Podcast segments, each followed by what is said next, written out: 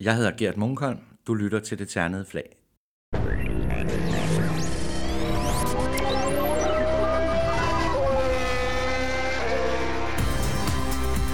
Velkommen til Det Ternede Flag, DASUS podcast om Formel 1 dansk og international motorsport. Det Ternede Flag udgives i samarbejde med Dansk Metal. Velkommen til Det Ternede Flag. Denne gang med endnu en særlig gæst i øh, studiet. Det er nemlig øh, Gert Munkholm. Blandt andet, blandt meget andet, øh, verdensmester i Carlsen 1989.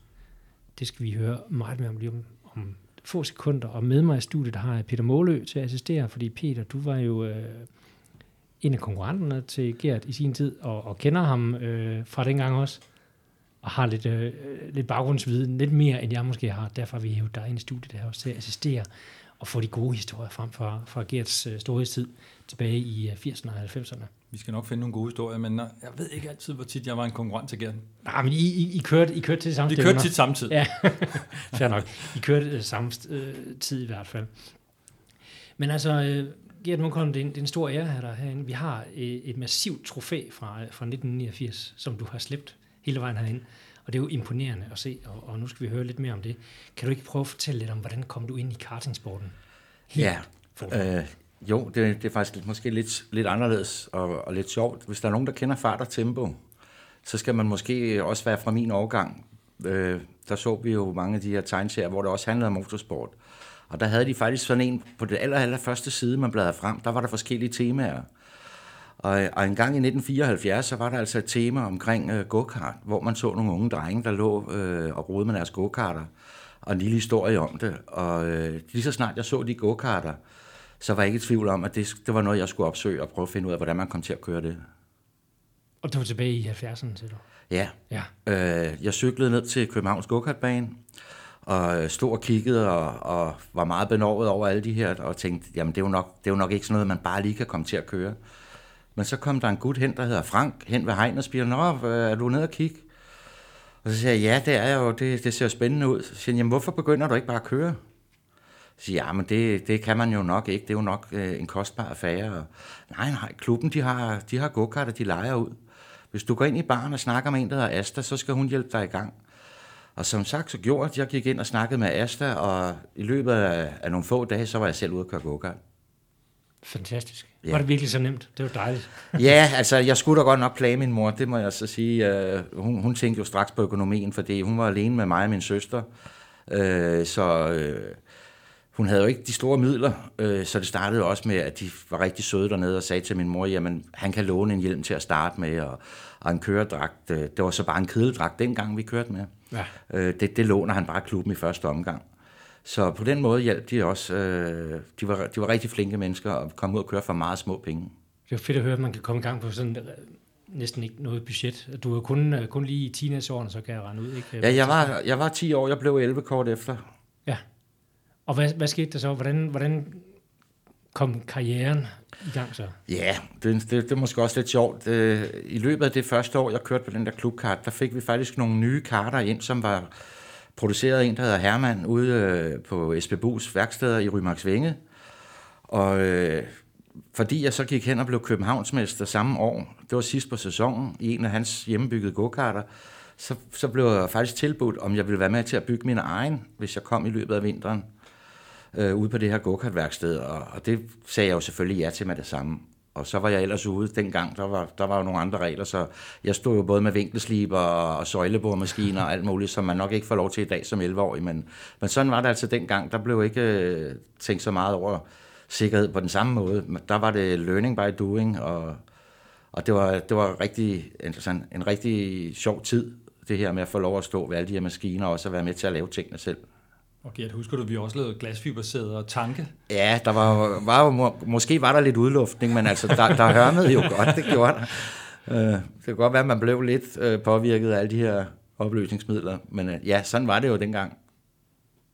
Men, men ofte så hører man jo, at kartingsporten i dag øh, kommer, altså, kommer ind i kartingsporten, fordi at der er noget familie, der kører, eller på en eller anden måde du kom helt udefra. Der var ikke noget familie, der var involveret i sporten på den måde? Eller? Nej, øh, sjov nok slet ikke på nogen som helst måde. Min far, han havde, øh, selvom de var fraskilt, så tog han mig med ned og se fra ham og spille fodbold et par gange, men, men jeg stod og gabede og, og, og synes, det var ret kedeligt. Det var i hvert fald slet ikke noget for mig, det her omkring fodbold. Jeg prøvede også at spille det selv kort tid, men vi havde ikke nogen øh, familierelationer overhovedet til det, men jeg har altid været bitter motorsport.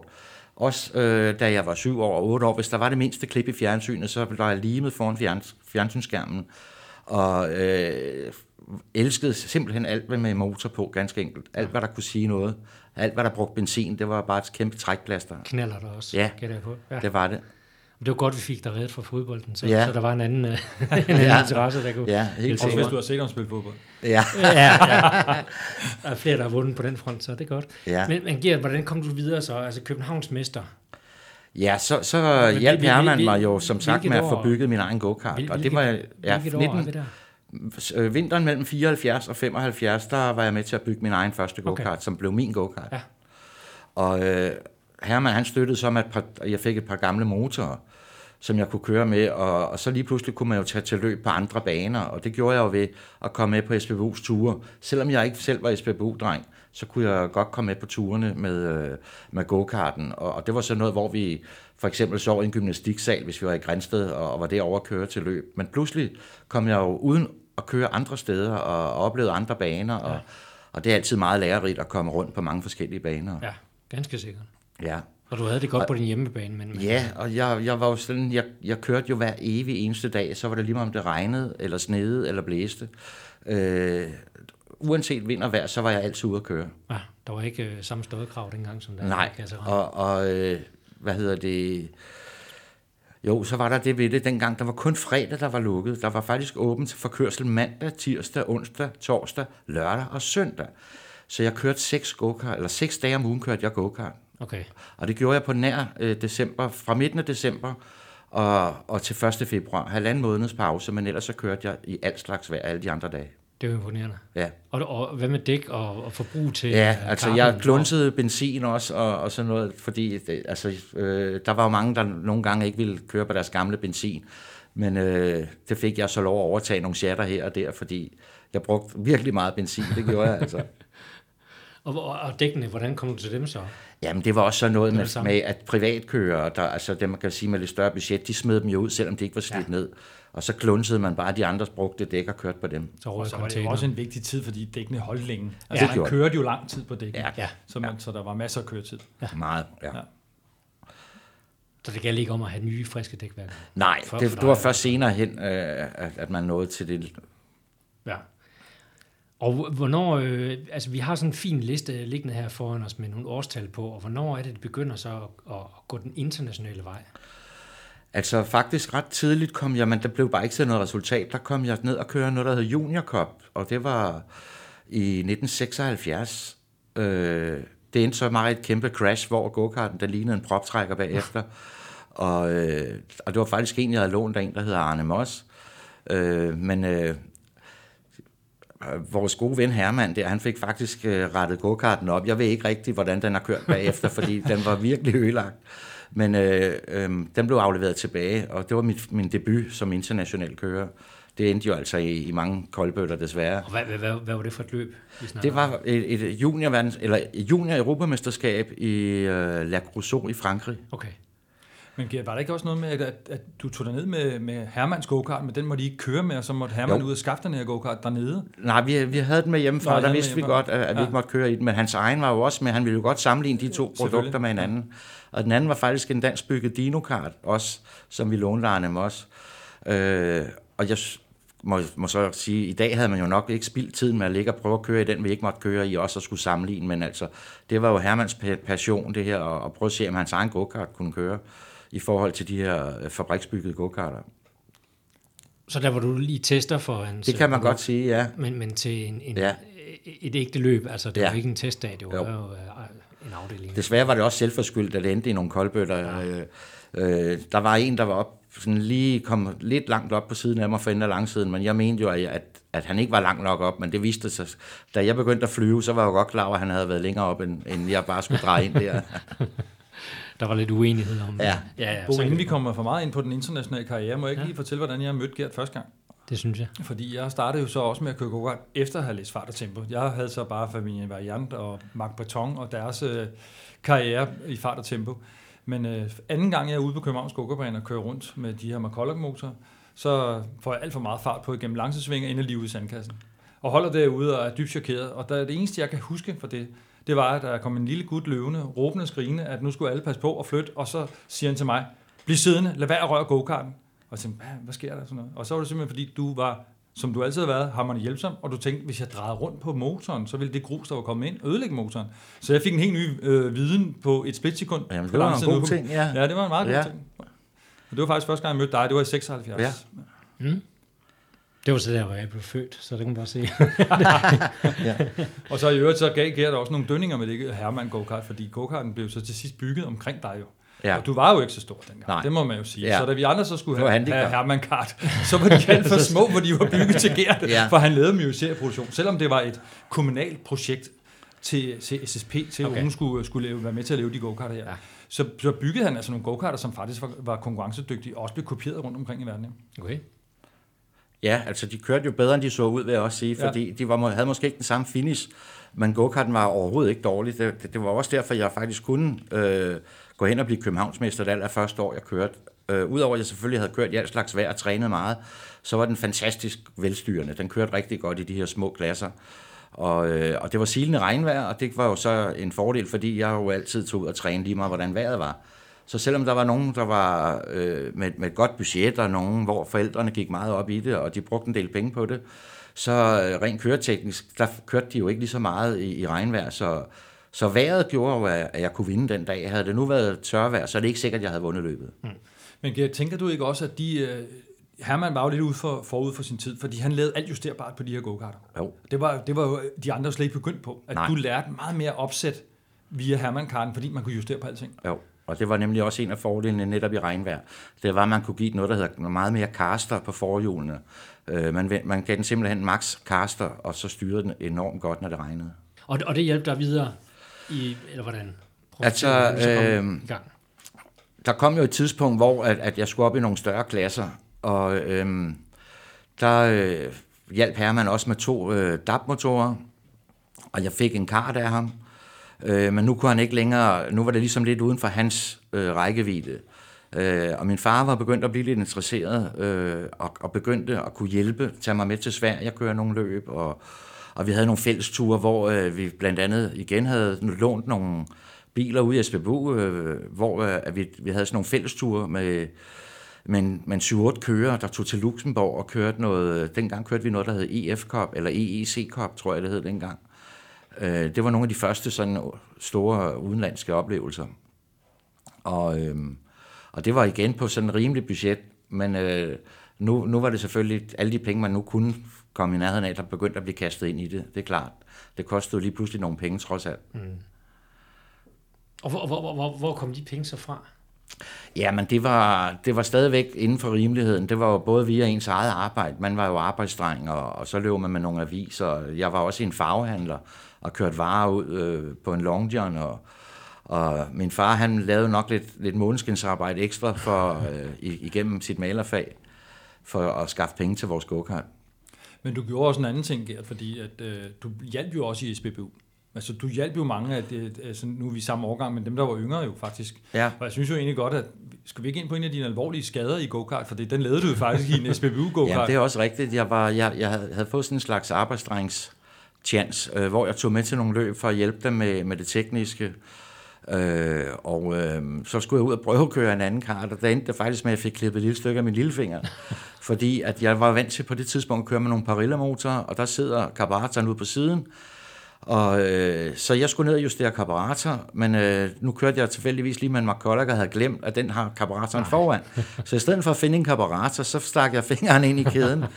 og øh, det endte jo så med, at jeg kom en tur på Haderslev sygehus, og de måtte klippe, klippe resterne væk der. men jeg har, har stadigvæk en meget fin lillefinger. Den er lidt anderledes end på den anden hånd, men øh, den er fuldt funktionsdygtig. Øh. Men, men det var ikke noget, der finansierede øh, kartingkarrieren, kan man sige, men altså arbejdet med de unge også, og så, og så videre. Øh, Nej. Hjalp jo lidt, men... Ja, så, så skete der jo det, at øh, vi havde en, der hed Paul Andersen, som importerede noget materiel fra Italien, der hed PCR, og øh, der øh, fik vi muligheden for at kunne købe en motor på afbetaling. Øh, det var nemlig nogle, synes vi, øh, ret hurtige motor, så det ud til, at det var et nyt produkt på markedet. Og øh, vi lagde en udbetaling, mig og min far, på sådan en motor, og så skulle vi betale, øh, jeg tror det var 500 kroner om måneden efterfølgende. Og øh, uheldigvis så skete der det, at den øh, virkelig detonerede efter kun 20 minutters kørsel. Det var plejlstangen, der røg, og, og der var simpelthen slet ingen motor. Den kunne ikke engang bygges op igen. Og vi skulle jo stadig betale på den her i mange måneder. Så øh, Paul, han, øh, han var så flink, så han sagde, ved du hvad, du får lov at køre med nogle af mine motorer. Øh, fordi den, den, vi lige havde købt, der ikke engang havde betalt, den var jo altså fuldstændig ødelagt. Den kunne okay. ikke laves igen eller noget. Og sådan startede det jo med, med sådan en overrække, at, at jeg blev støttet via Paul Andersen. Og det var også virkelig lærerigt. Der kørte vi også mange løb. Øh, vi kom op og kørte i Finland, og, og jeg blev for øvrigt øh, med sådan en dansbygget hamletkart, som han også han var med til at bygge nogle go-karter selv også. Der fik vi faktisk en, øh, en anden plads i Europamesterskabet i 1982 i Biesheim i Frankrig.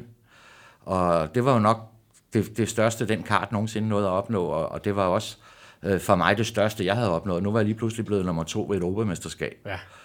Og øh, da han så på et tidspunkt nåede til øh, et punkt, hvor han heller ikke rigtig kunne mere og, og, og handle go-karter og bygge dem, det tjente han simpelthen for lidt på, så han, han begyndte ligesom at, at, at, at drosle lidt ned på alt det her go-kart, og så sagde til ham, jeg kan, jeg kan desværre ikke støtte dig længere, Gert, så øh, du får den her go-kart, du er kørende i nu, og så må du altså til at klare dig selv. Ja, fordi der er vi ja, fordi til så kommer jeg til 83 kommer vi til, ikke, hvor at, øh, ja. vi to tager til Nordisk Mesterskab op i Finland. Ja, og hvor det du, er har, du har to kasser med motordel med, ja. en kasse med karburatordel, ja. og så den her skæve øh, hamlet Ja, ja. Og, og, og på en eller anden mystisk måde om natten får du samlet det her sammen til at gå ud og banke hele den danske elite. Ja, jeg blev den, den bedste bane. ikke finder. Du blev nummer 4 nummer 4, ja. Der var tre finder, der vandt, eller et, ja, to. og den kunne ingen nå. Og det var vel egentlig det gennembrud, der gav virkelig skub i din karriere, ikke? Jo, fordi det kan man godt sige, at nu find, jeg kørte jo fra Dino derop, øh, som havde en fabrik, og i hvert fald resulterede det i, at deres fabrikskører Peter Rossel jo, han fik den kolde skulder, ikke? Og året efter fik jeg afsædet. Altså det jeg i hvert fald også godt kunne tænke mig at lige sige til at spørge, det er jo, Hamlekart var jo også en udviklingsproces, du var i af et nyt materiale. Ja, ja. Så der var du også testkører. Ja. Det har jo givet dig sindssygt meget alt det. Ja. Du har været med til at teste og udvikle. I, I hjalp mig også med de motorer, kan du ikke huske det? Vi, jo, jo, jo. sad med lommelygte og lavede dem. Ja. det, det var altså lidt andre forhold, end det, du ikke ja, Jamen, det var fordi, på, på noget, så var der ødelagt en krumtap i den ene, men der var cylinderen god endnu, ja. ikke? Og sådan, så sad vi og mixede, hvad der nu kunne laves. Ja. Det jo med, at jeg skruede for dig og kørte ja. selv, ja. og så skruede Morten på min go-kart. og der blev smidt over hegnet ja. af ham der finder. Ja, det havde jeg sgu bedre af derhjemme. Ja. Ja. Jeg løb over og gjorde sådan her oven på styrthjelmen af en konkurrent efter en omstart. Jeg fik nemlig bukket bagaksen ved det. Og øh, og så havde jeg slået ham oven på hjelmen, for det var ham, der var skyld i lortet. Ikke? Der ja. var et kæmpe crash, da starten gik. Og så gav han bare lige godt. Der var ikke noget, der kunne mærke, men det gør man. Hans far blev i hvert fald så tosset over, at jeg havde gjort nogen på hans styrthjelm lige. Så han kom, tog mig i hovedet og røv sådan her. Og kastede mig hen over hegnet ud af banen, ind i Ryttergård. så stod jeg der. og de var rimelig store, de der finder Peter og de andre kom løbende med en kæmpe mukker, og vi bankede og fik rettet den aksel. Det var mig, der rettede den. Ja, og vi fik ja. rettet den aksel, og det endte med, som Peter siger, så blev den bedste dansker og bedste ikke finder deroppe, for der var også svensker og nordmænd. Øh, så det var, det var faktisk ret sjov historie, den der. Ja. Med bukket bagaksel og alting. Okay, jeg, jeg, jeg fornemmer allerede nu på den her snak, at, at, at du, du havde styr på det der med at indstille go-karten, og, og havde åbenbart farten også, og sådan noget. Så, så du blev brugt flere omgange til at teste karts og, ja. og udvikle også. Og sådan noget. Kan du ikke prøve at fortælle lidt om, om, om det, så, så kan vi lige lave en afhopper jo. her nu. Øh, fordi det var fra Finland, og så, øh, jamen, hvad skete der så? Ja, så kom jeg til, til Dino og køre i 1984. Øhm, og det var, det var mit, mit gennembrud, kan man sige, fordi nu kom jeg ud og køre rigtig meget. Ja. Nu var det næsten hver weekend, vi kørte. Vi kørte øh, alle afdelinger af tysk mesterskab. Vi kørte alt, hvad der var at køre op i Sverige, udover vi kørte samtlige løb, der var, som ikke faldt sammen med andre i Danmark. Og så kørte vi jo selvfølgelig de her internationale, altså når der var et Europamesterskab, øh, og dem var der et par afdelinger af, hvor de foregik nede i Frankrig og Italien. Og de havde også nogle store åbne løb, når vi var eller nede sydpå. Så øh, nu kom jeg jo lige pludselig rigtig meget ud at køre, og vi nåede endda at komme ud og køre i Indonesien og i Australien, også med det her øh, samarbejde med Dino Ja. Så var du professionel på det tidspunkt, eller Nej, var det skruet sammen? Det var skruet sådan sammen, at jeg ikke havde nogen udgifter på det. Nej. Øh, alt blev betalt. Øh, Det svarer for mange i dag til at være profe- professionel, gør det ikke? Ja. Altså det, jeg kørte uden at skulle komme med penge selv, ja. og vi kørte også så meget, så der, altså skulle jeg have betalt for, for noget af det kørsel, så var det jo rigtig mange penge, fordi jeg kørte uafbrudt. Jeg kørte hele tiden et eller andet sted. ja. Og, øh, og det lærte jeg rigtig meget af. Også fordi, at der blev stillet nogle helt nye krav. Øh, hver gang jeg bare havde været ude at køre en eller anden øh, træning, en test, så blev jeg konfronteret med, hvad karten gør. Altså, og det havde jeg selvfølgelig altid tænkt over, men nu skulle jeg lige pludselig svare på det i nogle øh, tekniske rigtige sætninger. Øh, hvor meget den understyrede, hvor den understyrede, eller overstyrede, øh, og så videre. Ja. Øh, og, og, og det udviklede mig jo også selv rigtig meget ved at, at, at blive konfronteret med, at jeg hele tiden skulle aflægge rapporter om, hvad garden, den, hvordan den opførte sig, hvad den gjorde, fordi øh, at, at så tænkte jeg jo lige pludselig også selv anderledes over tingene, øh, omkring at få den til at køre så godt som muligt under alle forhold. Mm-hmm. Og øh, det var en, en lærerig tid, det var også hårdt arbejde, fordi at, at øh, det var blevet meget, meget alvorligt, og, og, og, og det skal det jo også blive. Øh, og det var også det, man udvikler sig af. Øh, og Ja, det der også var i det, det var, det var jo ikke flyvetid, men altså, det var jo i bil afsted. Ja vi kørte mange timer i bil, og, og, og jeg sov, øh, man kan så sige, jeg fik alt betalt, dog ikke hotelophold. Jeg måtte sove nede i bilen, mens de andre gik op på hotel og sov, men, men det tog jeg ikke så tungt, for nogen passede så også på gradet imens, kan man sige. Øh, I hvert fald så øh, har jeg sovet rigtig mange timer øh, på en Brix i en Mercedes 406. Bliver du dansk mester i 85, eller er det først i 86? Ved du hvad, jeg har ikke talt på det der Nej, med, med, for med hvornår jeg blev dansmester, ikke blev faktisk, fordi det er blevet rigtig, rigtig mange gange. Det var, det, det, det, hvilke år det lykkedes, og det ikke lykkedes, det, det, det kan jeg ikke lige, om 84 og 85, eller 86 og 84, det kan jeg ikke huske, men jeg kan huske et eksempel var, at, at øh, der var et dansk mesterskab inde i København, hvor jeg også kører med Dino, og Jason Watt var rigtig godt kørende også øh, den weekend. Og faktisk kunne vi se, at, øh, at det kunne blive svært at vinde finalen, fordi at, at øh, jeg kunne fornemme, at jeg havde lidt, lidt understyring i de hurtige sving ude i København, øh, lige op til langsiden. Og øh, jeg ville en ting med go-karten, og min chef, øh, som hedder Finn Jørgensen fra Dinokart, han ville noget andet med go-karten. Øh, og da vi ikke kunne blive enige, så blev vi i hvert fald så enige om, at, at så skal vi ikke gøre noget. Men jeg var godt klar over, at der skulle gøres noget, hvis jeg skulle gå ud og vinde den finale.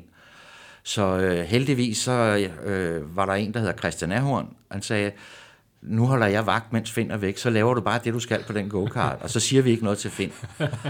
og min faste mekaniker Jim og, en anden en, der hedder Jørgen, som var med, de sagde, det ville de ikke være med til, så de løb ud af teltet. Så jeg måtte selv have fat i nøglen og, og stille på forvognen, og, øh, og vi lavede tingene, og jeg gik ud og vandt finalen. Efter jeg havde vundet, så kom Finn og så de her ting, og han undlod at, at, kommentere på det.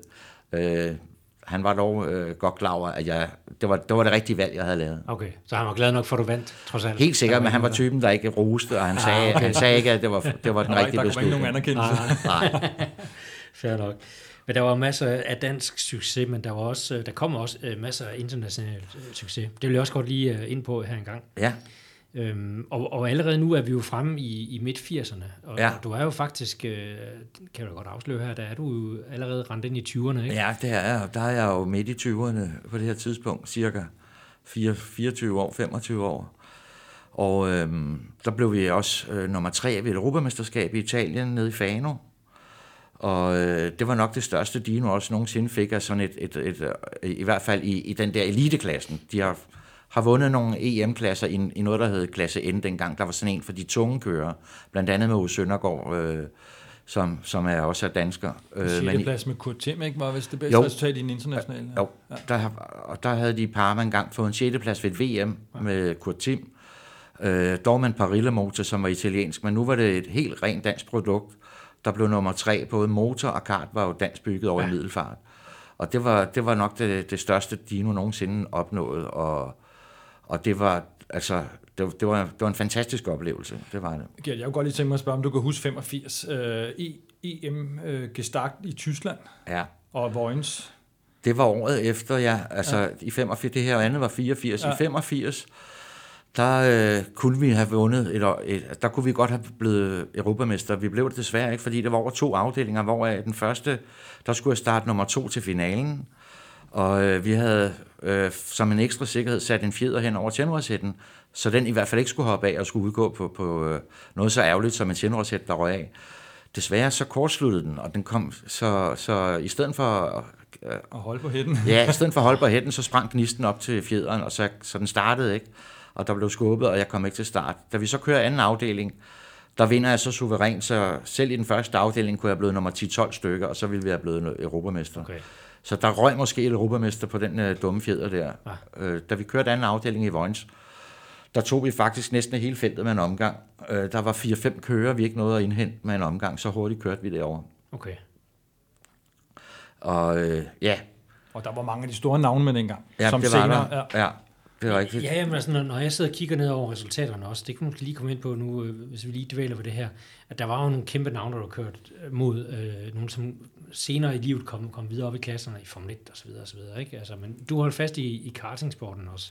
Ja, altså jeg elskede jo go-kart, og, og øh, jeg synes jo, at det, på det her tidspunkt i hvert fald, var jeg, altså jeg rejste så meget og, og oplevede så meget, og det gik øh, utrolig godt. Så jeg, jeg, det var jo ikke sådan, jeg egentlig tænkte ret meget over at prøve noget andet. Altså jeg var, jeg var jo sådan set, kan man sige, en slags professionel og havde et godt liv med det. Jeg havde utrolig mange oplevelser.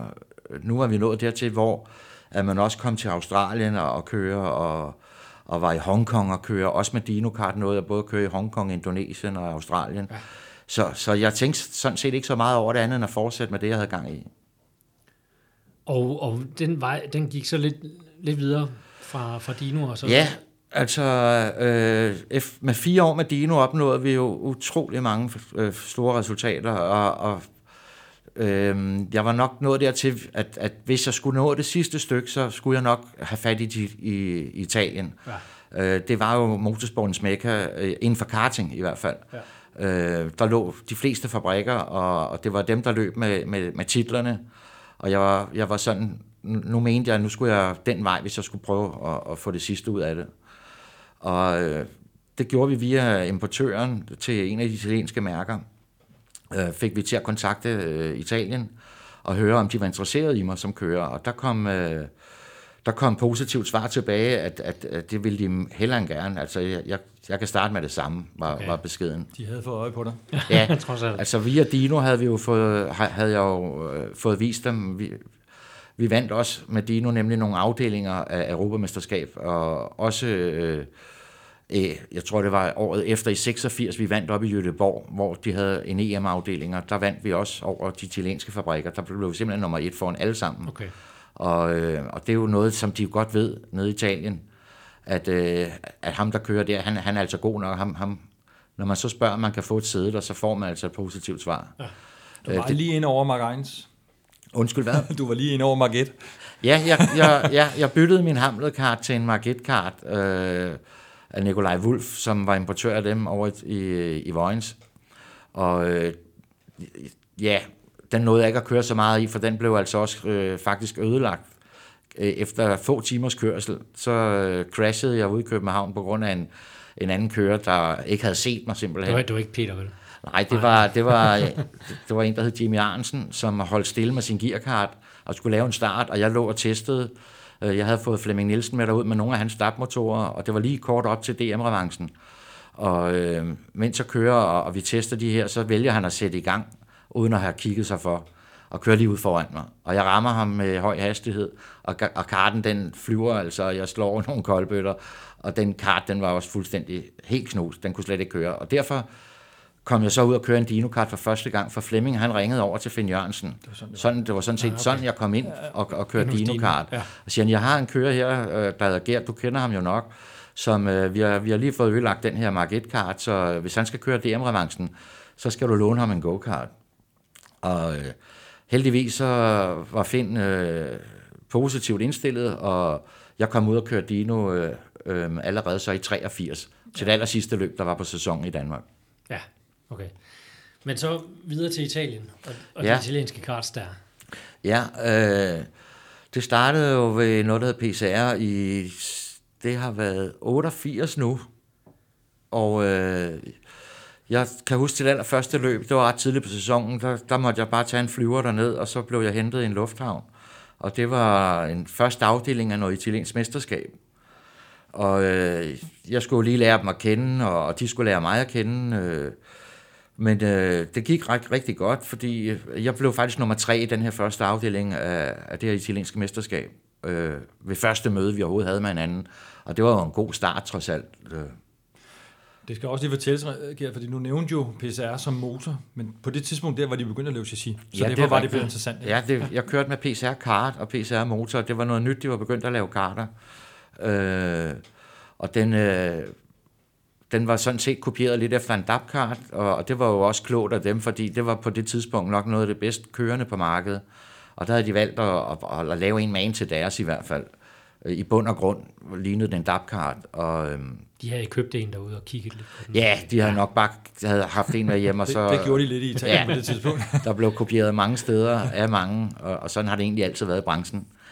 Øhm, men det næste løb, det var så allerede første afdeling af EM i Formel Super A.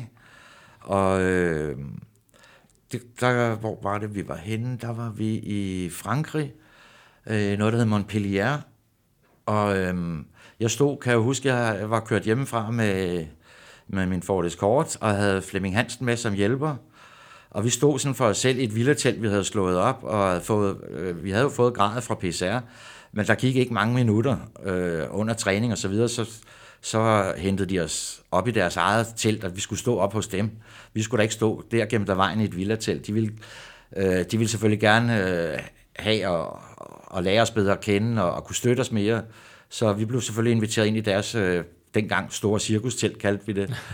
øhm, og, og jeg vandt sgu løbet, øh, og, og det var der jo ikke nogen, der havde regnet med, heller ikke mig selv, fordi det var jo altså det var jo trods alt noget nyt at, at komme til den her fabrik, og produktet var noget nyt. Jeg kendte ikke rigtig tingene, men øh, det gik rigtig godt, og vi, vi vandt løbet. Og øh, det næste med, øh, den næste afdeling, det var i Margione, hed det.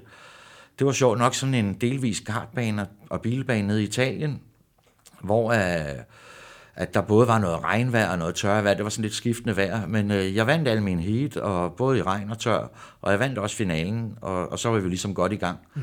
med at kunne se, at det her EM, det, det ligger inden for rækkevidde. Det må man sige. Ja. Og der, og der kørte de flere afdelinger. Var det fem afdelinger? Jo, vi kørte fem afdelinger ja. i alt, og, og da, da vi sluttede af i Bisheim, øh, der øh, blev jeg, altså der, der var jeg den, der havde flest point, da, da vi var færdige. Ja. Så jeg blev europamester i 88 for PCR. Yes. Men det var jo en dramatisk historie dengang. Øh, du var ikke så meget ind på det måske, men Emmanuel Collard var jo en af dine konkurrenter dengang. Jamen, det er rigtigt. Ja. Ja, øh, nej, fordi øh, det, det er sådan en lidt lang historie. Øh, fordi det startede jo allerede ved tredje afdeling. Der, der var det sådan, at, at øh, der var kun en, der nu kunne true mig sådan rent pointmæssigt. Og det var Emanuel Collard. Og, og øh, den, er, den er sådan lidt lidt kryptisk hele historien, fordi det var så noget med, de andre gav ham deres point. Hvis der lå nogen foran ham, det var nogen, der kørte med et konkurrerende motormærke, der hedder Rotax, øh, så, så slap de simpelthen speederen på de sidste omgang, for han skulle komme op og få en bedre placering, fordi han var den eneste, der kunne tro med det samme resultat. Ja. Og øh, det, da det ikke rækte, begyndte de så også at køre på mig, altså hvis I kører ind i mig. Og det kulminerede med nede i den aller sidste afdeling i Lidl Time, at, øh, at de vidste godt, at, at skulle de vinde, så skulle jeg simpelthen ikke, jeg, jeg måtte ikke fuldføre finalen. Nej. Og der var flere, der prøvede, og, og der blev virkelig kørt hårdt på mig, og det resulterede også i, at på et tidspunkt var der en, der forramte mig så hårdt midt i et sving i et meget højt, øh, en høj hastighed. I, ude på langsiden, der kører man nemlig et 90 grader, hvor man kommer fra en anden langside. Og farten er så høj der, så bliver du prikket der bag i, så er der kun én vej, og det er lige ud i rækværket. Ja. Og, og, det, og det skete jo så for mig, jeg hang derude i rækværket, og og så mit, mit uh, europamesterskab uh, forsvinde ved, ved, at jeg nu holdt derude. Jeg tog så en beslutning, som måske er, er lidt øh, grænseoverskridende, fordi nu havde de ligesom taget det her europamesterskab fra mig, så tænkte jeg, det skal være løgn. Nu tager jeg det tilbage igen. Så jeg skubbede i gang, og øh, efter at have start, genstartet go-karten, gravet den ud af handballer og så videre, så da Emmanuel Collard kom, så valgte jeg at køre lige i siden på ham, så vi begge to udgik. Øh, jeg var alligevel allerede hentet med en omgang, øh, så jeg kunne ikke få nogen som helst point. Og da jeg så får ham taget banen, så får han jo så heller ikke point, og, og dermed var jeg, havde jeg sikret mit europamesterskab, øh, som de egentlig lige havde stjålet fra mig. Så en lidt kontroversiel øh, Det må man sige. Det må det man sige. i, i Ryttergården var der jo den stemning, at det var fair. Ja, Ja, Selvom det var usportligt, så vidste alle, hvad der, alle kunne se det, for det var så tydeligt, Alle det der vidste. Ja, ja. alle vidste jo, hvad der foregik. Og det var også sådan, at jeg øh, blev kaldt ind i, i dommerpanelet og, og øh, blev øh, konfronteret med, at, at øh, jeg havde kørt øh, bevidst ind i Collard, og i stedet for at, at komme med en eller anden syg historie, så sagde jeg jo også sandheden, at ja, det er også rigtigt, at, at, at det var, hvad der skete. Men bevæggrunden for, at jeg gjorde det, øh, var, for, var, var, kommet ud af min kontrol. Jeg, jeg, jeg øh, fortalte dem sådan, at klappen gik ned, men det gjorde den jo altså ikke, men det var, hvad jeg sagde, øh, så jeg tog en forkert beslutning. Beslutningen var meget velovervejet, øh, og jeg havde gjort det samme igen i dag, hvis det var, fordi det var sådan en svinesvej, øh, som der blev begået imod mig. Og efter at have voteret øh, ind i den der i et par minutter, så kom de ud med et stort smil og sagde, tillykke med Europamesterskabet. Okay. Og det mest øh, syge, sindssyge det her, det er, at Iman Collard er jo en udpræget gentlemanskører, har- er en af dem, der har rekord i flest Le Manger og klasse sejre Ja. den dag i dag. Så Nej, han har ikke været heller- vidne til det, Det var jo heller ikke ham. Det var det ikke var, ham, nej. det var jo det var jo en helt anden mands værk, nemlig øh, importøren og, og ejeren af motormærket, øh, Hesemann, som øh, havde, bestil, havde lavet det her bestillingsarbejde. Der er ingen tvivl om, at, at øh, der var udlånt en stor pose penge til, til den, der nu fik mig af banen. Og, øh, og det var så en, en hollænder, som, som jeg kan ikke lige helt huske hans navn nu, som, øh, som nok fik pengeposen der. Det var ikke for starten. Nej, det var det ikke. Det var ikke Verstappen. Men øh, jeg havde for øvrigt mange, mange gode kampe med Verstappen, og vi kørte sgu meget, meget hårdt på hinanden, men altid reelt. Og vi har aldrig kørt hinanden af banen, men vi havde nogle gode dyster, mig og Verstappen. Så bliver det 1989, og det er jo en af de helt store grunde til, at vi sidder her i dag. Ja. Og, og det var jo der, hvor du vandt VM-titlen. Kan du prøve at fortælle lidt om, om det år, hvordan du kom til den her kæmpe, kæmpe pokal, der står her i, i lokalet? Ja. også? Jo, øh, hvad hedder det? Det var, det var jo selvfølgelig højdepunktet i min karriere, og det skyldes til dels også, at de havde lanceret et nyt motormærke, som hedder Atomic Car, øh, kort ATK, og øh, der var en motortuner på, der hed Renato Malin, øh, på de her motorer, som de skulle øh, have lanceret til alle chassiser. Altså en, en motor, der egentlig skulle kunne bruges på en bielkart, en marketkart og så videre. For PCR, PCR-kart, det var ligesom noget, der hørte sammen. Og nu havde de produceret en motor, som, som man godt ville sælge til alle, alle typer karter, og, og så blev det bestemt, at jeg skulle køre med den motor, og så havde de den her dygtige motortuner, som skulle lave motor til mig netop til Valence. Og øh, faktisk så kom han så sent derned øh, til selve løbet, så, så det hang faktisk en tynd tråd lang tid af vejen. Han var nemlig kørt galt. Okay. På vej til Valence i Italien var han faldet i søvn i bilen, og var væltet rundt ude på motorvejen, og skulle først have fat i en lejebil. Heldigvis var han ikke kommet til skade, men han havde jo alle motorerne med i den her bil. Så han kom noget forsinket til Valence, og, og øhm, vi nåede dog lige at, at få kørt motor til, som det eneste, vi vidste ikke engang, hvor gode de var rigtigt, for de blev bare lige kørt til, og så skulle løbet sådan set starte. Ah. Men som løbet skred frem, så kunne vi presse dem mere og mere, og begynde at kaparere dem lidt øh, hårdere, øh, skrue lidt mere ind for dem.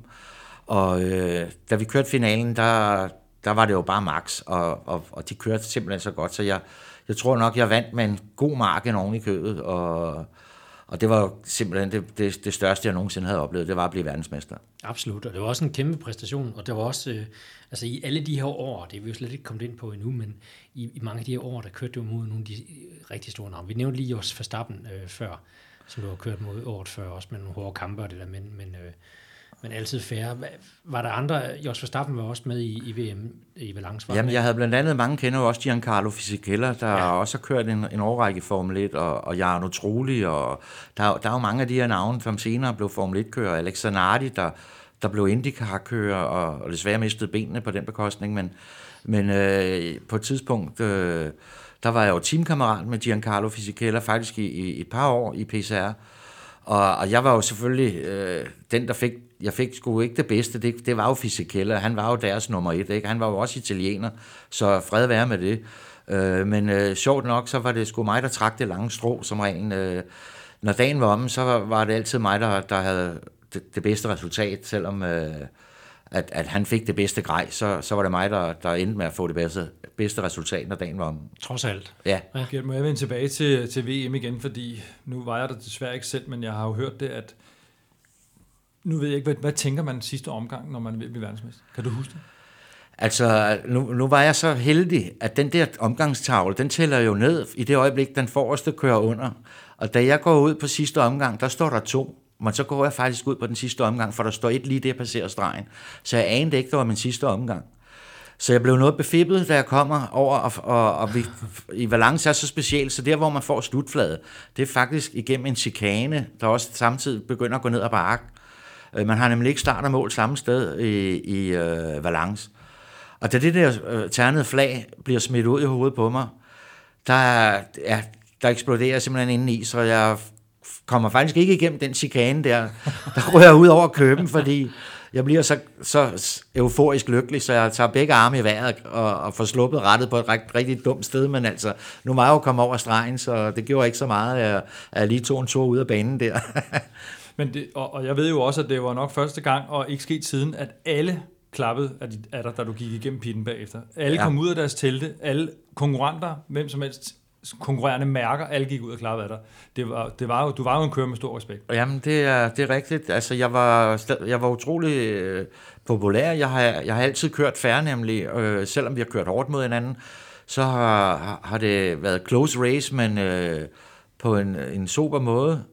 Og øh, snakket med alle folk, også fra andre teams, og, og, og øh, ja, haft venner i konkurrerende teams også, og ja, jeg var, jeg var populær, og det var da en dejlig ting. Altså.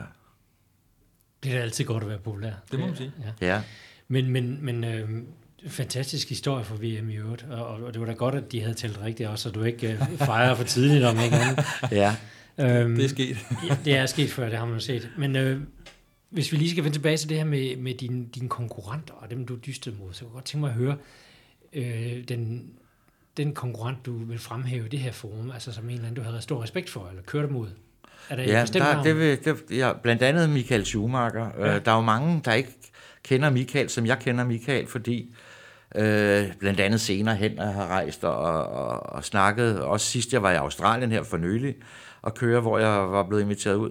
Der tror de, at, at han kommer fra en familie med mange penge. Men det er jo faktisk sådan, at Michael, han, han, de havde lige så små midler, som, som, som vi selv havde. Uh, hans far, han passede noget udlandingsgokart ned på Cap Mannheim gokartbanen, ja. og, og moren stod og skænkede fadøl og, og vendte bratwurst ind i kafeteriet. Uh, og han kørte jo også i alt, hvad han kunne få fat i og låne og så videre, fordi de, de havde meget små midler. Uh, men han valgte at køre alt det, han kunne komme til i andre skokarter, og, og det resulterede også i, at på et tidspunkt var han skulle blevet så dygtig, at de tyske importører og forhandlere ligesom valgte at, at ligesom med mig selv faktisk sige, ved du hvad, vi vil godt støtte dig og hjælpe dig med noget materiel. Øh, så han, han kommer altså ikke af, af en stor pengetank, øh, tværtimod. Var han ikke også inde over Dino på et tidspunkt? Jo, øh, øh, der var et, et EM i junior, hvor øh, det foregik på Cap Mannheim, hans egen hjemmebane, hvor han kørte med Dino kart og Dino motor, og var vanvittigt hurtig. Altså virkelig, virkelig hurtig. Desværre så, så øh, havererede materialet simpelthen. Motorerne gik, gik i stykker. Var, havde de nu holdt, så var han uden tvivl blevet øh, europamester med, med dansk go-kart. Og de nu, ja, ja. junior. Okay. Ja. Interessant. Ja. Så en, en, du absolut fremhæver. Det ligner meget din egen tilgang også. Altså arbejde, arbejde, ikke? Ja, at træne. Jo. Øh, så. Jo, for han har måttet slide og slæbe sig til det. Ja. Og, og øh, var en flink fyr. Mange, der føler og synes, Michael er arrogant. Øh, det var mere, han var sådan lidt genert type faktisk. Altså lidt, lidt indadvendt. Han var ikke sådan en frembrusende type. Øh, så jeg oplever, har aldrig oplevet ham som arrogant, fordi okay. jeg kendte ham jo, og, og, og vidste, at han egentlig var en genert type. Ja.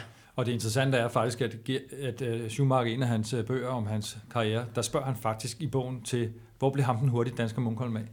Ja, det er sandt. Jeg, jeg, jeg, jeg er meget stolt af, at han har tænkt på mig, da han skrev den bog. Det er, Øh, desværre så er det jo forfærdeligt, hvad der er sket med ham sidenhen, men øh, jeg ønsker ham en bedring. Det håber ja. jeg, at, at, at han får det bedre. Ja. Men hvad, hvad blev der af ham Munkholm sidenhen, kan vi så spørge? Du kører jo stadig noget classic kart i dag, øh, har vi talt om her, før vi gik i gang med optag. Altså, så du, du er jo i gang stadig i sporten og holder dig, ja, altså dig det, varmen, ikke? Det, det, det startede for nogle få år siden øh, med, øh, øh, en, der hedder Pau over fra Jylland. Han synes, at vi skulle øh, hylde lidt i de gamle gokarter. De havde nemlig et 50-års jubilæum i klubben på Grænsted Gokartbane. Og ved den lejlighed tænkte jeg, nu skal vi have noget af alt det her ud at køre, som, som var uden vand på, altså øh, fartkølede motorer og uden omdrejningsbegrænser. De siger jo rigtig godt, de lyder jo noget bedre, øh, i hvert fald i mine ører, end meget, mange af de her moderne go-karter. For de tager jo 20.000 omdrejninger ned ad langsiden, og, og, og øh, når, det, når det kommer ud i køleribberne, så, så er det sådan en rigtig, rigtig smuk og høj lyd, øh, som nogle naboerne måske ikke så glade for dem, men også der, der har, har været med i alle de år med det gamle, øh, som vi kalder klassisk kart i dag. Ja. Øh, det er jo noget helt specielt. Det, det er... Det, det er det, vi godt vil hylde, og det har vi faktisk gjort lige sidenhen. Så, så er der blevet kørt et par løb om året rundt omkring. Ja. Og øh, Peter Målev, øh, som sidder her, han har også været med ud og kørt et par gange. Og det, det, det, det tror jeg, vi bliver ved med, så længe det, bliver, så længe det er muligt. Og så længe uh, man uh, kan ja, Ja, vi er, vi er lidt ømme i kroppen bagefter, men så længe vi kan holde til det, så længe vi kan holde til det, så fortsætter vi med det. Ja, men det er godt at, at være lidt ømme, så kan man mærke, at man stadig er i live, ikke? Jo. Men, men må jeg komme tilbage til dagsordenen, Bo? Det er bare, fordi jeg godt tænke mig at spørge dig, Gert, fordi jeg har jo hørt dig fortælle mig rigtig mange historier, og også fuldt dig, men der er nemlig et spørgsmål her. Det bedste løb. Kan du, kan du på nogen måde beskrive det bedste løb? Jeg, jeg vil godt give dig en lille ledetråd, fordi er der noget, du altid stolt har fortalt mig om og vist, så er det, er det de løb, du kørte i Hongkong. Ja, altså, øh, det, det, er jo det har været en fantastisk oplevelse at køre i Hongkong. Øh, det er jo en, øh, en provisorisk bane, der bliver lavet inde på sådan en, øh, kald det lidt boldbane, legeplads inde midt i Victoria Park. Og øh, den er meget ujævn, og den er beskidt, når man kommer. Der øh, ryger jo ispinden og alting begynder at flyve op, når man, når man starter med at træne derude. Øh, jeg, jeg, jeg ved ikke, om det er det bedste løb, jeg har kørt, men øh, jeg har jo vundet to gange derude, og, og, du, du vandt i... og så er jeg blevet nummer to og tre og fire og fem, der... Øh, Ja, jeg har vundet derude. Du vandt i 89 i hvert fald. Ja, Samme det gjorde jeg. Samme år, jeg blev verdensmester, der vandt jeg også i Hongkong. Og så vandt jeg for øvrigt det aller, aller sidste, der nogensinde blev kørt derude. Jeg tror, det var i 92, ja. at de kørte det sidste løb, men jeg, jeg er ikke sikker på årstallet. Nå, 92 har jeg noteret her. Der kørte ja. vi også mod Lotte Helberg på det, det år. Ja. ja. jo, og det, det var faktisk, øh, den der pressede mig længe i finalen, det var faktisk Jan Magnussen. Uh, han hang på i en 7 omgang og lå helt op under min kofanger. Men øh, så måtte han skulle slippe taget, og så begyndte jeg så at trække fra ham, hvor han lige endte til sidst. Øh, Øh, det kan godt være, at han, han overbelastede dækkene, eller hvad der skete. Jeg, jeg tør ikke sige det, fordi han gled altså helt ud af præmienrækkerne. Øh, øh, det endte faktisk med, at min teamkammerat blev nummer to, øh, Giancarlo Fisichella. Og jeg kan ikke huske, hvem der blev nummer tre, men, øh, men øh, det var, det var en, en kæmpe oplevelse at, at, at vinde der igen i 92, hvor det var det aller sidste løb, der blev kørt derude. Og det var også, også helt vildt for mig at altså, flyve til den anden side af jordkloden nærmest, ikke, for at køre på en provisorisk go Ja, og så samler verdenseliten. Og samler altså, verdenseliten. De, de var der alle sammen. Ja, ja, det er jo et kæmpe, det kæmpe løb dengang. Det, ja, det var, det var højdepunktet på året, øh, kan man sige, efter... Øh, der var jo kørt alle mesterskaberne, så det var et løb, der foregik i december måned og hvor øh, hele verden, altså alle de største, alle fabrikkerne var, deltog, og alle de dygtigste kører var med derude, øh, og, og banen var, som jeg siger, der var jo ikke nogen, der havde en hjemmebanefordel. Det var jo en bane, man kom på, og så blev den lavet, og så startede man med at køre, mens den stadig var lidt snavset, og, og, øh, og øh, ja, man, man kendte jo ikke, man havde jo ikke nogen, nogen øh, baggrundsviden, når man kom der, fordi selvom man havde været der nogle år før, så var den altid lidt anderledes. Den var, den foregik også med, at man kørte ind på en, noget andet, vi kaldte tennisbanen, og, og det, var, det var en af de gode oplevelser derude. Det var, der, der kom man simpelthen op og flyve med alle fire hjul, øh, fordi der var lidt niveauforskel. Så når man gik fra den ene del af, af legepladsen over på det, vi kaldte øh, tennisbanen der, så lettede den altså med alle fire hjul, og, og så lød det rigtig godt, øh, som, når motoren lige fik helt frit spil der. Ja. Det, det må have været noget af en oplevelse ja. også, øh, at komme som øh, en dansker, og nu var du noget af et navn også dengang, jo. ikke? Altså, men, men trods alt komme ud og opleve de der kæmpe, kæmpe løb. Hvad, hvad kørte man for der? Var det ære af penge? Eller hvad, der, var, var der? der var heldigvis, kan jeg da så hilse at sige, fordi det var jo tæt på jul nu, ikke? Der ja. var altså altid øh, pengepræmier derude. Der var gode grunde. Og øh, det svarede til 40.000 danske kroner i første præmie. Okay. Så der var gode julegaver, ja. det var der. Du nåede at få dem med hjem. Ja. Du brugte dem ikke derude. mange, mange, blev brugt på, jo, mange blev brugt derude på, på ting, fordi at det var jo også billigt med elektronik og så videre. Dengang, der kostede tingene jo meget i Danmark. Altså, øh, dengang var en videooptager lidt dyr, og bilradio og så videre, så, så der blev tit købt noget nyt øh, elektronik, som man også kunne tage med hjem. Ja, og det hører så også til. Det, det, det skal jo til. Men, men du kom ind på, Peter, det, om det var det bedste løb, men altså, Ja. det, det sagde du, ah, det var det måske ikke helt. Nej, Men altså fordi det er sjovt nok, at dem, som jeg selv husker som no- nogle af mine bedste løb, er ikke dem, jeg eventuelt har vundet. Nej. Jeg, jeg husker blandt andet et, vi kørte i noget, der hedder Fenolit i Frankrig, og det var i 87, hvor jeg kørte med Dino. Uh, vi havde havareret uh, motoren, der, og vi havde, det, vores bedste motor, den gik i stykker i præfinalen. Det resulterede i, at jeg skulle starte nummer 34 i finalen. Og øh, der skulle man komme i top 10 for at få øh, den her superlicens, der gav adgang til at køre øh, den her EM-serie næste år. Man kunne også have opnået den på nogle andre punkter. Og jeg havde måske også fået den licens alligevel. Men i hvert fald havde jeg målet at sige, at jeg skal nå op i top 10. Og, øh, øh, og starte nummer 34, øh, og så skal op i top 10. Øh, Jamen, det er altid øh, hårdt arbejde, fordi du, du ved jo allerede, du skal overhale en hver evig eneste omgang. Øh, der må ikke gå to omgange, hvor du ikke overhaler en. Så når du simpelthen Nej, ikke op nej. nej. i top 10. Og mange gange sker der jo det, at når du er forbi nogen dernede, så bliver der lidt luft op til de forankørende, som der først skal lukkes et hul. Ja. Så, øh, så hver eneste omgang, der, og også selvom jeg måske var to eller tre meter efter en for enden af langsiden, så lavede jeg simpelthen en, en udbremsning på dem, som lykkedes, uden at, at, at det endte i et eller andet Ja. sammenstød, som det godt kan, når man er pre- presser sig selv, du ved. Øh, Uden det og så siger ja, øh, selvom jeg er tre meter bagefter, så går jeg altså efter at, at, at lave den overhaling. Ikke? Ja. Og det lykkedes, og jeg øh, fik en, jeg kan ikke huske, om det var 7-8 stykker, men øh, det, var, det var nok et af de bedste løb, jeg har kørt, selvom jeg slet ikke kom på skammen. Nej. Men det er jo det, der, det er så fantastisk ved vores sport også, det er, at, at du sidder og kan huske det løb der, ikke fordi det var, du havde det mål, og du nåede det. Du vandt ikke, eller kom på skamlen, men øh, fantastisk historie. Og i 1990 blandt andet også var nok et af mine allerbedste løb, jeg har kørt, hvor jeg skal køre VM i Jesolo. Og øhm, der skulle jeg jo forsvare mit verdensmesterskab. Og det starter med, at jeg får fire sekunder straf på tidtagningen for decibel. Så det hed så nummer 120 på tidtagningen. Hvilket resulterede i, at i samtlige indledende heat skulle jeg starte allerbagerst. Det vil sige 34 i 6 eller 7 indledende heat. Og skulle også nå i top 10 i samtlige heat. Og jeg måtte ikke udgå af nogen heat. Nej. Og det lykkedes, og jeg kom op i top 10 i alle indledende heat, selvom jeg startede nummer 34. Og det gav så øh, plads til, at jeg kunne komme i præfinalen, og der startede jeg vist nok en 17-18 stykker, og kører frem til en 10. plads, starter 10 i finalen, når op på en tredje plads. På sidste omgang ligger jeg træer, og det var jo trods alt godt at komme på skamlen, efter at have været nummer 127 på tidtagningen. Og kørt hurtigst undervej. Ja, Ja. ja. og så øh, som forsvarende verdensmester, så ryger rettet desværre af. Øh, og jeg havde kørt med det øh, i et stykke tid med slup. Jeg kunne godt mærke, at det ikke var så godt. Den bold, der sidder og holder retnavet, den var gået løs. Og nu havde jeg jo så siddet og styret mig igennem hele finalen, så den, den endte simpelthen med at knække helt over. Den gav fuldstændig. Så på aller sidste omgang, hvor der mangler to sving, så sad jeg med rettet i hånden. Så, så ja, så jeg blev jo ikke noget. Men Nej. øh, det, det var nok det bedste, et af de bedste løb, jeg har kørt nogensinde. Ja. Men hvor, hvilken følelse stod du med derefter? Så? Altså, det må da en, et en meget ærgerlig følelse. Ja. Altså, øh, jeg ville så gerne bare have været på skamlen. Jan, Man, Jan Magnussen blev jo verdensmester Ja. øh, samme år, og, og så havde vi stået der nummer 1 og 3. Jan som den nye verdensmester, og årets tidligere verdensmester på en tredjeplads, efter at have været nummer 127 på tidstagning. Det havde været fantastisk, altså. Ja. Herhjemme havde du jo mange kampe med Jan Magnussen, og er det ikke en af de kører, du også har respekt for? Jo, vi kørte jo øh, virkelig øh, til stålet med hinanden. Altså, vi, vi øh, var jo måske i en liga for os selv, os begge to, og øh, på et tidspunkt, der, øh, der, der er vi ja, i en situation, hvor vi, vi er så hårde ved hinanden, så vi ender faktisk med, øh, at, at vi kører hinanden af banen, så, så vi forærer et dansk mesterskab til en helt tredje person. Fordi det skulle jo være en af os, og vi var et og toer.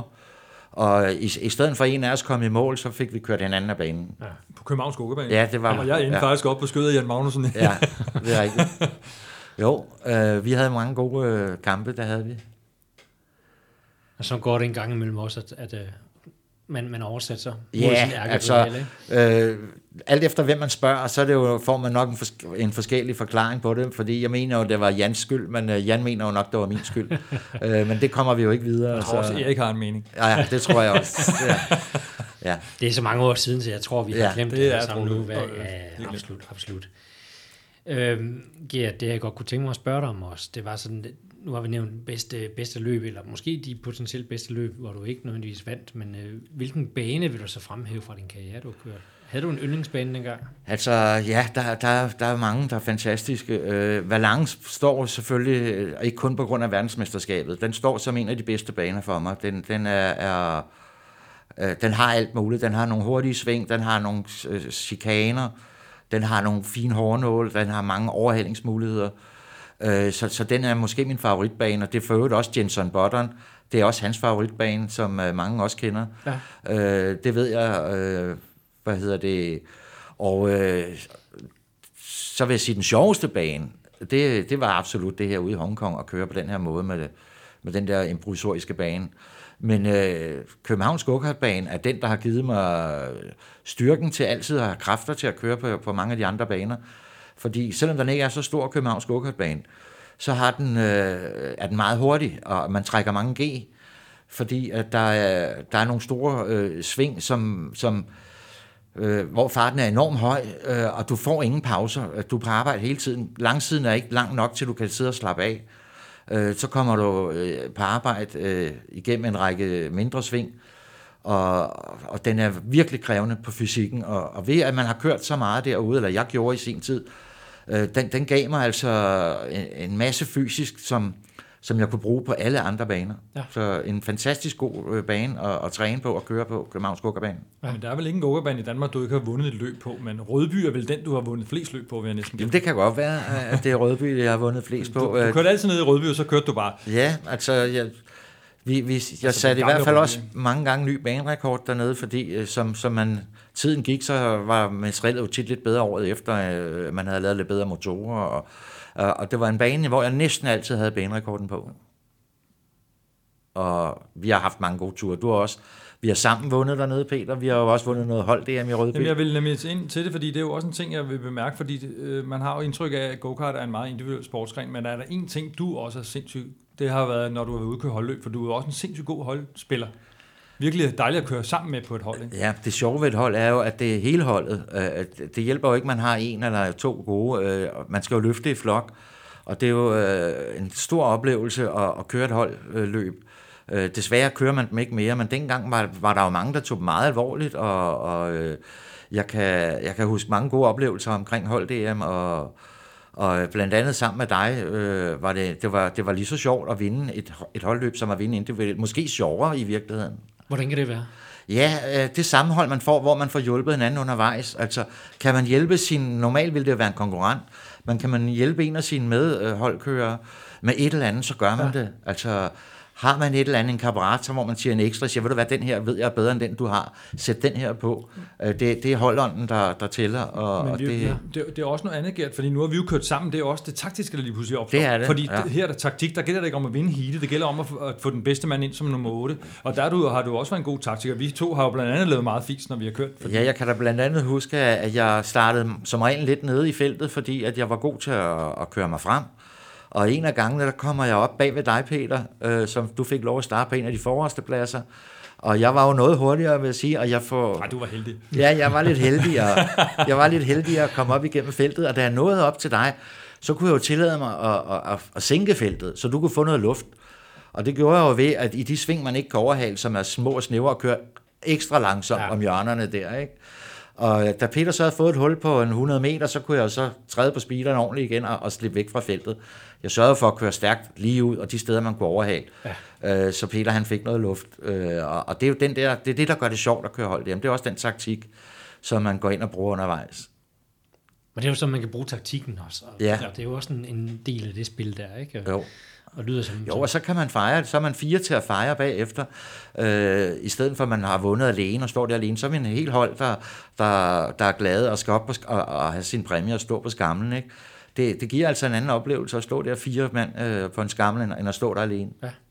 Apropos fejre, så, så stod vi jo en helt gruppe og ventede på dig, dengang du blev verdensmester. Vi havde bare ikke lige tænkt over, at du havde kørt i halvanden døgn i en bil på vej hjem, så vi havde fuld fest på, men øh, jeg synes ikke, det var særlig sjovt, jeg vil gerne i Nej, men, men må du være, jeg, jeg fandt energien, fordi jeg, det første, jeg tænkte også, åh oh, nej, jeg er død træt, men øh, efter jeg er steget ud af bilen, og så så alle de glade mennesker, og så var der selvfølgelig en kæmpe fest, det var der. Og det var pragtfuldt, pragtfuldt. Og så sikkert fuldt fortjent også jo, ikke? Så absolut.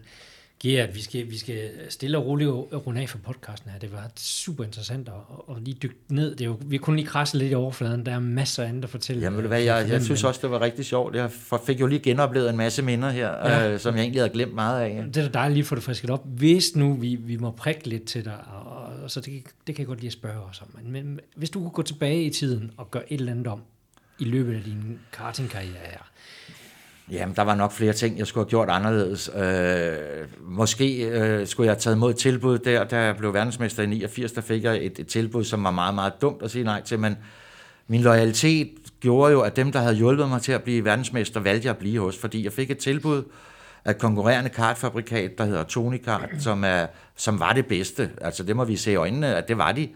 Øh, de ville give mig en meget stor pose penge hvis jeg, og, og en fast kontrakt for flere år frem, hvis jeg ville skifte til deres fabrikat. Øh, øh, jeg tykkede lidt på det, og så tænkte jeg, at jeg, jeg, jeg synes, nu har de andre jo gjort det her for mig øh, igennem et par år, hvad de kunne, og, og vi har formået at vinde et EM og et VM.